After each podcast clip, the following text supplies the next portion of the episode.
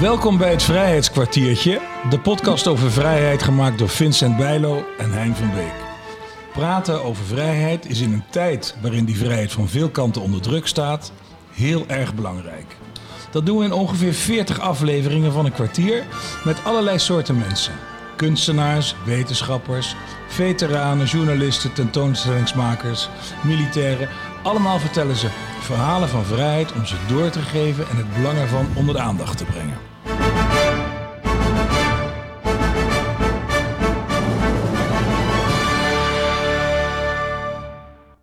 In deze aflevering spreekt Vincent Bijlen met Lars van Troost. Lars is hoofdstrategische verkenningen van Amnesty International. We praten met hem over het nut van mensenrechten en internationale spelregels. Welke ontwikkelingen zijn van belang voor de mensenrechten? Staan ze, zoals het soms lijkt, in steeds meer landen, ook in Nederland, onder steeds grotere druk?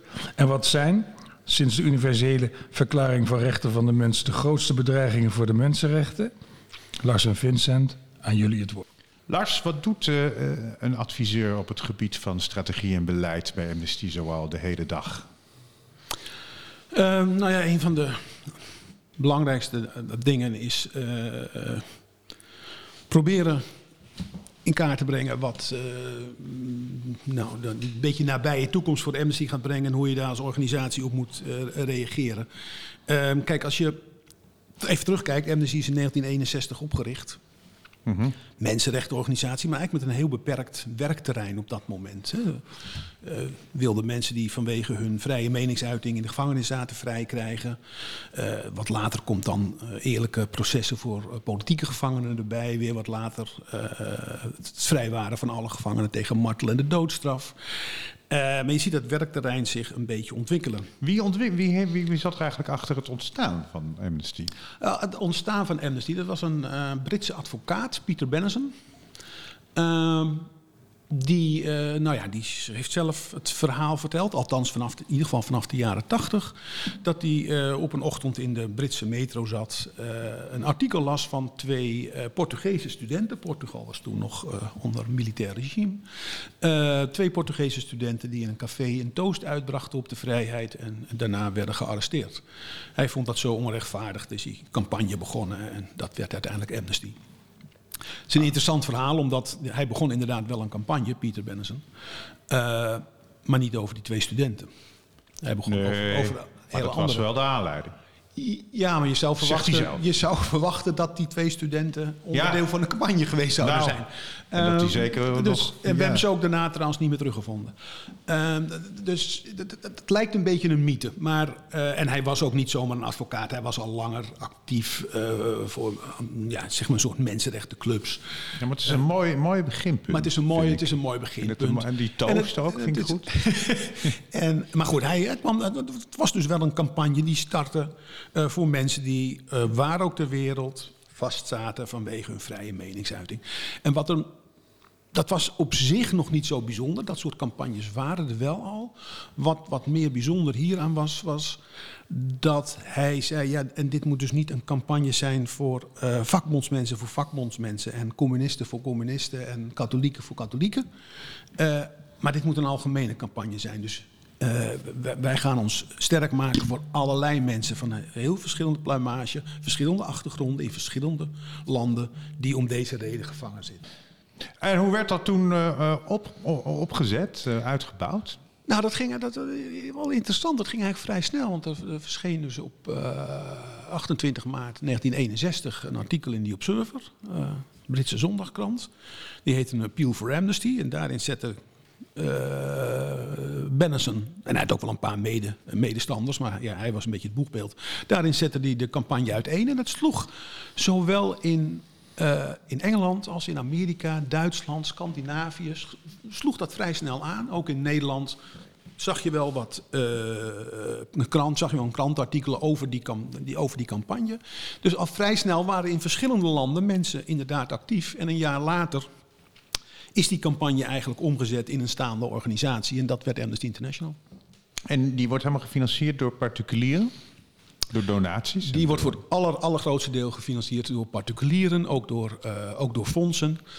En uh, alleen voor uh, zeg maar onderwijs en voorlichtingsactiviteiten accepteert Amnesty ook een, uh, nou, niet, niet, veel, maar enig geld van overheden.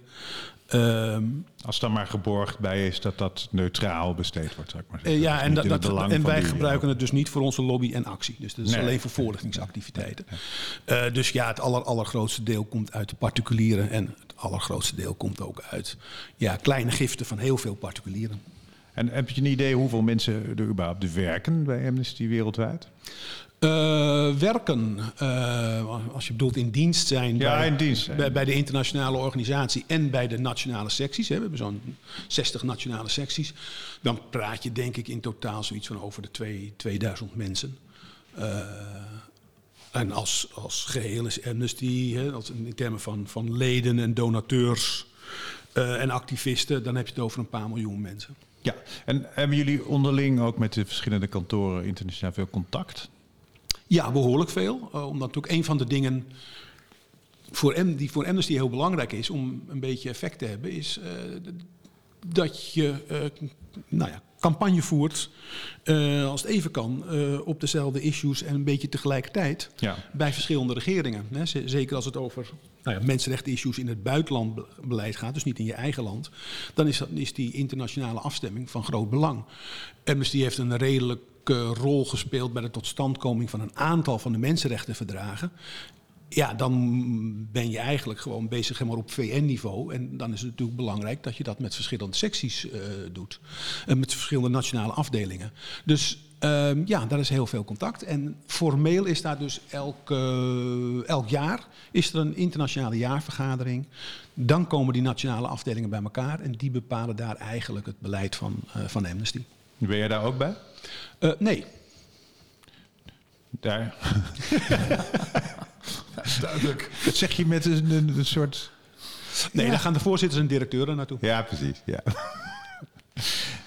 We hadden het vorige keer over de, over de um, universele verklaring en de verdragen die daaruit voort zijn gekomen. Ja. Hoe, hoe is nu, dat is natuurlijk een ongelooflijk grote vraag, maar hoe is het nu sinds 48 wereldwijd gegaan met de mensenrechten. Schoten ze ermee op met die verklaring en met de verdragen? Um, mag ik zeggen dat is een gemengd beeld? Dat ligt er een beetje waar ja, je naar kijkt. Ja, als je kijkt, eigenlijk wel dat je um, dat zou zeggen.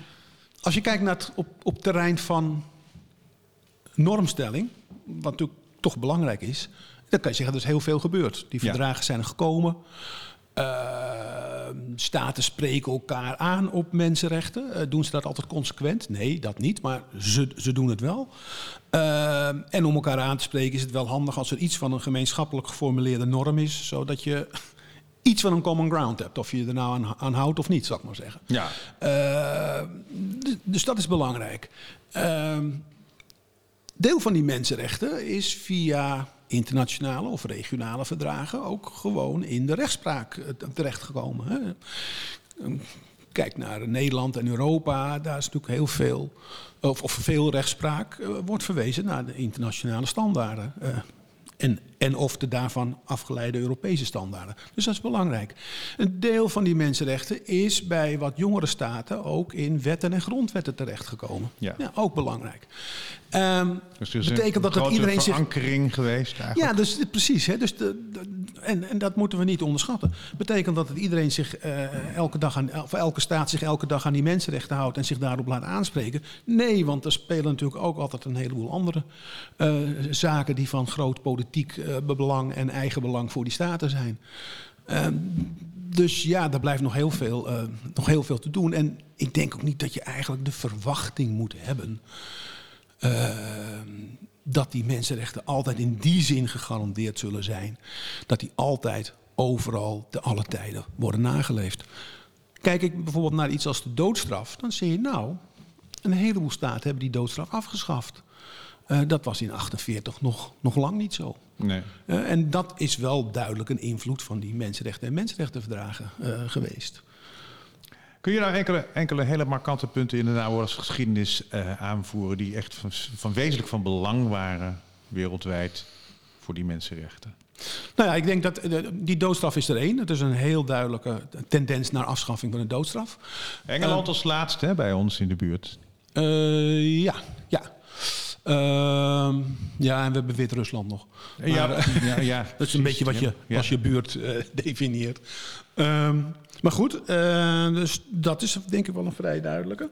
Ehm, als je naar Nederland kijkt, dan zie je dat er invloed is uitgegaan van de internationale, misschien, misschien vooral van de Europese, maar goed, is daarvan afgeleid, eh, van de internationale standaarden op, eh, in, in, gewoon in de rechtszaal, de strafrechtpleging, eh, garanties voor verdachten, dat is belangrijk. Maar ook kijk bijvoorbeeld naar de, ontwikkeling, hoe langzaam die ook gaat, van eh, internationale berechting. Ehm, het feit dat in, eh nou is toch alweer een tijdje terug, maar in 1998 eh, in Engeland op verzoek van Spanje Pinochet uit Chili, hè, de voormalige dictator van Chili, wordt gearresteerd in een poging om die te berechten. Ja, dat was zonder die ontwikkeling van die mensenrechten nooit, nooit, nooit gebeurd. Nee. Is dat helemaal gelukt? Nee, dat is niet helemaal gelukt. Nee. Ehm, maar die aanzet die was er en die procedures zijn in gang gezet. Eh, en er zijn daarna, dat haalt niet elke dag de krant, zijn er wel degelijk berechtingen van eh, ja, mensen van een minder bekende naam geweest. eh, die op grond van die internationale verdragen eigenlijk bere- berecht zijn. Bijvoorbeeld omdat ze oorlogsmisdrijven hebben gepleegd of omdat ze foltering hebben gepleegd, et cetera. Dus ja, dat speelt wel degelijk een rol. En een ander, sorry, niet, niet te vergeten en toch vrij belangrijk iets is.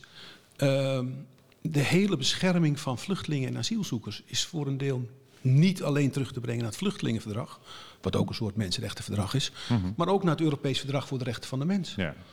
Dus ja, eh, die invloed is er zeker geweest. En hoe houden wij als Nederland, eh, als we ons, ons eigen landjes even onder de loep nemen, hoe houden wij ons nu, anno 2023, eh, aan die verschillende verdragen? Staan die hier onder druk? Ehm, nou ja, daar is natuurlijk best, eh, best bij Amnesty sowieso hier en daar eh, zorgen over. Ehm, asiel is één eh, punt. Hè. Dus toch altijd, de discussie over nou ja, onze asielprocedures, de opvang. Ehm, daar kunnen zeker dingen beter, beter in. Ehm, optreden van politie. nou, wat misschien nog wel ja, op dit moment belangrijker is, de, de discussies over de demonstratievrijheid. Eh, op grond waarvan mag je nou eigenlijk demonstraties verbieden en op welke gronden niet. Ehm, En wat, nou, wat mag je inzetten? Eh, ja, zoals, precies. eh, hè. Eh, wat mag je dan doen om zo'n demonstratie te beëindigen? Ja. Ehm, nou ja, daar zijn best in, in Nederland nog wat, nog wat discussies over. En daar is Amnesty af en toe zeker kritisch, ook op de Nederlandse overheid. Ja, en dan hebben we ook, ja, is dat Nederland of is Hoe dat doen jullie dat eigenlijk? Dat- Spreken jullie dan gewoon bewindslieden aan? Ja, Of, winstlieden en soms burgemeesters, korpschef van politie. Ja, daar hebben we natuurlijk contact mee, ook over, eh, over dit soort dingen. En wat voor ons daar ook belangrijk is, is dat als, kijk, als Nederland een geloofwaardige stem wil zijn om de mensenrechten te verdedigen in het buitenland, ja, dan zal je ook moeten laten zien dat je het ook in eigen land eh, serieus neemt. Eh, en wat ik nog, dus net nog even wou toevoegen. ja, is het Nederland of niet, maar ook ja, het Caribisch deel van het Koninkrijk. Ehm, wat we wel eens vergeten bijvoorbeeld, is dat er redelijk wat mensen uit Venezuela eh, naar de Caribische eilanden eh, komen, vluchten. ja. Ehm, ja, asielprocedure, ehm, die kan daar echt nog wel een stukje beter. Ja, ja, dat zijn dus dingen die jullie allemaal monitoren en allemaal eh, bijhouden. Ja. Overigens over die, over die rechtsorde, als we het even over Europees niveau. We, we zitten nu, wij nemen dit op eh, anderhalve week nadat Hamas is begonnen met de verschrikkelijke aanslagen in, eh, in Israël. En ehm, wij, ik, ik las van de week een opinieartikel. Wij exporteren internationale rechtsorde, maar wij stellen daaraan weinig randvoorwaarden. Dat ging erover dat, eh, dat Ursula von der Leyen die had eh, eh, ehm, eh, vorig jaar toen Rusland in Oekraïne water en elektriciteit afsloot, had ze dat een terreurdaad genoemd. En dat ze dat nu, toen Israël in Gaza elektriciteit en water afsloot, niet deed aanvankelijk. En later is ze daar wel weer een beetje op teruggekomen. Maar eh, dus men meet dan met twee maten. Dat is dan het verwijt wat de opiniemaker hier in kwestie zegt. Ja, En dat, dat is het. Gaan jullie daar ook op in dan, op zoiets? Ehm, ja, dat is, dat is, kijk, dat is, dat is een, een interessante. Wij, wij proberen altijd aan te kaarten als wij denken dat er met twee maten wordt gemeten. Aan de andere kant, eh, dat hebben regeringen altijd gedaan. En bij het hele totstandkomen, ook, ook bij de totstandkoming van die mensenrechten en mensenrechtenverdragen, maar ook bij de uitvoering en naleving daarvan. Ehm, ja, en dat dat be- bedoel ik niet per se cynisch, maar ma- maken wij ook van, die, van dat meten met twee maten gebruik. In de zin van, staten zijn altijd wat makkelijker kritisch naar andere staten als het niet je eh, vrienden zijn, eh, als het niet degene is die jou eh, de olie of gas levert, et cetera, et cetera. En dat is natuurlijk eigenlijk het internationale speelveld waarin je, waarin je opereert. Waar wij niet aan deelnemen, maar waar we ons natuurlijk wel eh, bewust van zijn. Kijk, toen in, mm, in 2001 eh, we te maken kregen met eh, de, de, de gevolgen van eh, de aanslagen in, in New York en op het Pentagon. Ja. En de War on Terror begon. Ja, ook eh, Europese landen waren ook eerst, eh, nou ja, toch een beetje twijfelend en stil over wat ze nou van zoiets als Guantanamo moesten vinden. Ja. Eh, uiteindelijk draait dat dan na jaren eh, bij. En zelfs in de VS zelf draait dat dan na jaren bij. Maar als een andere staat dat had gedaan, dan was die reactie veel, eh, veel sneller en veel harder geweest. Ja. zo, werkt dat, zo, zo werkt dat natuurlijk eigenlijk constant in de internationale politiek. Nou, het is heel simpel. Als je vrienden, als je vrienden iets doen eh, Ja. wat eigenlijk niet kan, dan vind je dat minder erg dan als, als, als, als, ja. als, als anderen En dat wij, doen. wij proberen dat constant aan te kaarten. Ja. Eh, en dan helpt het soms dat inderdaad een nou, wat minder bevriende staten eh, dat oppakken en dat dan bijvoorbeeld bij de VN of in andere fora agenderen, waar de vrienden dat in eerste instantie niet doen. En dat gebeurt aan alle kanten. ja, precies. Want dan zie je dat de vrienden ook wel schoorvoetend gaan zeggen... ja, dat is ook eigenlijk wel niet zo. eh, niet zo. Ja, en dat duurt een tijdje. Ja, ja, ja. ja. Zo, hoe gaat het eigenlijk met... Want we hebben natuurlijk een hele nieuwe tak met de, met de digitale mensenrechten. Dus recht op privacy. En, en, en, en Ja. hoe, hoe, hoe, verhoudt Amnesty zich daartoe? Nou ja, dat is, wel een, dat is voor ons een deels, niet helemaal, maar een deels nieuw, nieuw terrein. Eh, en dat is wel interessant. En daar zijn nog allemaal, allemaal discussies ook, eh, over, ook in de, in de hele mensenrechtenwereld natuurlijk. Hè, van de normstelling die we nu hebben, de verdragen die we nu hebben, voldoen die in beginsel om mensenrechten daar te beschermen? Ja. Of moeten er nieuwe verdragen komen? Ja, dat debat speelt nu. Dat speelt in de mensenrechtenwereld. Dat speelt trouwens ook in het na, nabijgelegen eh juridisch gebied van het, van het oorlogsrecht. Hè. Eh, je, ziet- je ziet eh, steeds meer toepassingen natuurlijk van artificiële intelligentie, ook in de, in de oorlogvoering. Ja. Automatische, semi-automatische wapens. Nou, ook daar zie je de discussies van ja, de oorlogsrechtsverdragen die we hebben, voldoen die hiervoor, voldoen die hier niet voor? Ehm, dat is iets wat op dit moment ja, veel bediscussieerd wordt en wat zich nog moet uitkristalliseren. Maar het kan best zijn dat je op een gegeven moment tot de conclusie komt, er moeten aanvullende, eh, er moeten aanvullende verdragen komen om dan ook die, die virtuele wereld eigenlijk, wat mensenrechten en oorlogsrecht betreft, eh, ook goed te gaan reguleren. Ja, want bedoel, alles verandert en het is nooit af, natuurlijk. Nee, en ehm, kijk even zelfs helemaal los van die virtuele wereld. Ook de idee wat mensenrechten eigenlijk zijn en hoe ver ze reiken. Ook dat is iets wat natuurlijk constant in discussie is geweest. Hè. Ehm, toen de mensenrechten in 1948 voor het eerst eh, ja, werden vastgelegd. Althans op internationaal niveau in de UVRM. Ja, toen, toen waren rechten natuurlijk iets dat had je als burger tegenover je staat. Ja, later is er het idee bijgekomen dat ook dus niet-statelijke actoren wel degelijk verplichtingen hebben op mensenrechtelijk terrein. Dus eigenlijk plichtendragers daar zijn, waar eerst alleen staten dat waren. Sommige van de rechten worden nu breder geïnterpreteerd dan dat ze toen werden. Dus dat terrein blijft altijd in ontwikkeling. En je zal ook als club als Amnesty je elke keer opnieuw moeten bedenken hoe je je daartoe eh, verhoudt.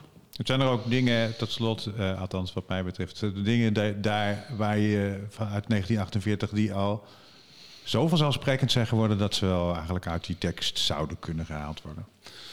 Ehm, nou, ik weet niet of er al iets zo vanzelfsprekend is dat er uit de tekst kan. Eh, om, twee, om twee redenen. A, ik denk het is niet zo heel erg verstandig om aan zo'n tekst te gaan, gaan, zitten morrelen. Want als ik iets weet wat eruit kan, dan heeft iemand anders ook nog wel iets wat eruit kan. Uh, dus ik, ik dat, en dat geldt trouwens ook voor nieuwe dingen erin brengen. Dus ik, ik denk altijd van, nou, je moet uitkijken met de, daaraan, te gaan, uh, daaraan te gaan morrelen. Dat zou ik niet, uh, niet, niet al te snel doen. En bovendien, B. En dat zag je Ja. heel sterk natuurlijk uh, in 9-11. Soms denk je dat sommige dingen voorbij zijn en dan, ja, helaas zijn ze niet voorbij. Nee. Uh, wie had ooit gedacht dat we ja, zoiets als verdwijningen weer zo grootschalig zouden terugkrijgen. Of iets als foltering. Ja. Eh, Echt in opdracht van de staat en niet door een politiemacht die niet goed functioneert of niet goed is opgeleid. Maar gewoon om een politieke reden. Dat je dat op zulke schaal weer zou terug zou zien. Dus uh, dingen zijn niet altijd zo blijvend als ze lijken, helaas. Nee, en de basis was stevig genoeg. Ja, en misschien moet die, moet die uh, uitgebreid worden. Dat zou kunnen. Ja. Maar ik zou niet zeggen, nou laten we die UVRM eens tegen het licht houden en kijken of we er iets anders leuks van kunnen maken. Hein. Ja, Lars, uh, hoe ben je zelf zo uh, geïnspireerd geraakt? Hoe is het eigenlijk zo gekomen? Dat ik bij Amnesty zit. Ja. ja. um, ja, hoe is dat zo gekomen? Uh, ik was al op vrij jonge leeftijd ervan overtuigd dat ik uh, nou ja, bij, hoe noemen we dat, een maatschappelijke organisatie wilde werken. Dus niet bij de overheid, niet in het bedrijfsleven. Uh, en mijn blikveld was vrij beperkt, want ik wilde niet alleen bij een maatschappelijke organisatie, maar ook eentje die een beetje professioneel was. Nou, toen dacht ik dat er maar twee waren. Dat later bleken er veel meer te zijn. Maar ik dacht, dat moet dat Greenpeace of Amnesty worden. Ja, het is Amnesty geworden. Maar je was ook een, een, een, een, een zoals men dat nu activistisch noemt, jong mens? Um, ja, maar wat, wat ik wel. Ja, misschien wel. Maar wat mij in Amnesty en in mensenrechten, denk ik het algemeen, wel aansprak, was de onafhankelijkheid en onpartijdigheid. Nee, Ja. Dus ik, dat, uh, ja, volgens mij gebeurden er uh, uh, redelijk ernstige dingen aan verschillende kanten van verschillende uh, politieke scheidslijnen. En ik had niet zo'n zin om aan een, van, aan een van die kanten van de politieke scheidslijnen te staan. Nee. Maar het sprak mij aan om op te komen nou ja, voor mensen die het slachtoffer worden van mensenrechtsschendingen. Onder welk regime, onder welke regering, onder welk systeem dan ook. Wat kan echt, tot slot, wat kan de luisteraar zelf doen voor Amnesty? Nu? Na het luisteren deze, Ja. van deze podcast. En, en Amnesty steunen natuurlijk. Hè. We Ja. hadden het er al over dat het een, een, een- club is die op privaat geld draait. Dus lid worden is altijd fijn. En we hebben een heleboel mogelijkheden voor mensen om eh, actief lid te worden, deel te nemen aan acties. Eh, elk jaar 10 december, als je scanners wil maken, is er een grote actie Right for Rights. Dan staan er een paar eh, casussen centraal eh, waar wij op dat moment eh, voor werken. Ehm, en zo Dat is het, het kaarten schrijven, hè? Da- Dat is kaarten en Ja. brieven schrijven. Het, oude, het oude traditionele werk van Amnesty. Ook dat doen we nog steeds. De ook- trouwens hier, hier op Loevestein zelf is op de bovenste verdieping van de tentoonstelling Monddood. is een, een enorm groot canvasdoek waarop foto's staan van heel veel mensen die na die campagne eh, vrijgelaten zijn. Nou wil dat niet per se zeggen dat dat komt door die campagne, maar wel om te laten zien, om gezichten van die mensen te laten zien. Ja, en of het eh, door die campagne komt, kan je altijd, eh, of niet altijd, kan je vaak moeilijk bewijzen. We Nee. denken dat, dat het wel helpt. Een van onze oude leuzen of slogans, lang geleden was dan ook toeval. Maar ja, wie weet. ja, dat is een hele goeie. Laten we daarmee eindigen. Dankjewel, Lars. Dit was het eh, Vrijheidskwartiertje, gemaakt door Hein van Beek en Vincent Bijlo. Muziek, Kilian van Rooij. Deze podcast is mede mogelijk gemaakt door een bijdrage van het V-Fonds, Stichting Nationaal Fonds voor Vrede, Vrijheid en Veteranenzorg, de provincie Gelderland, Stichting Vrienden van Boei, Stichting Nationaal Erfgoed Hotel de Wereld en Hotel de Wereld zelf. Mocht je dit een interessante podcast vinden, deel hem vooral, geef reviews en geef sterren. En alle info tref je aan op vrijheidskwartier.nl.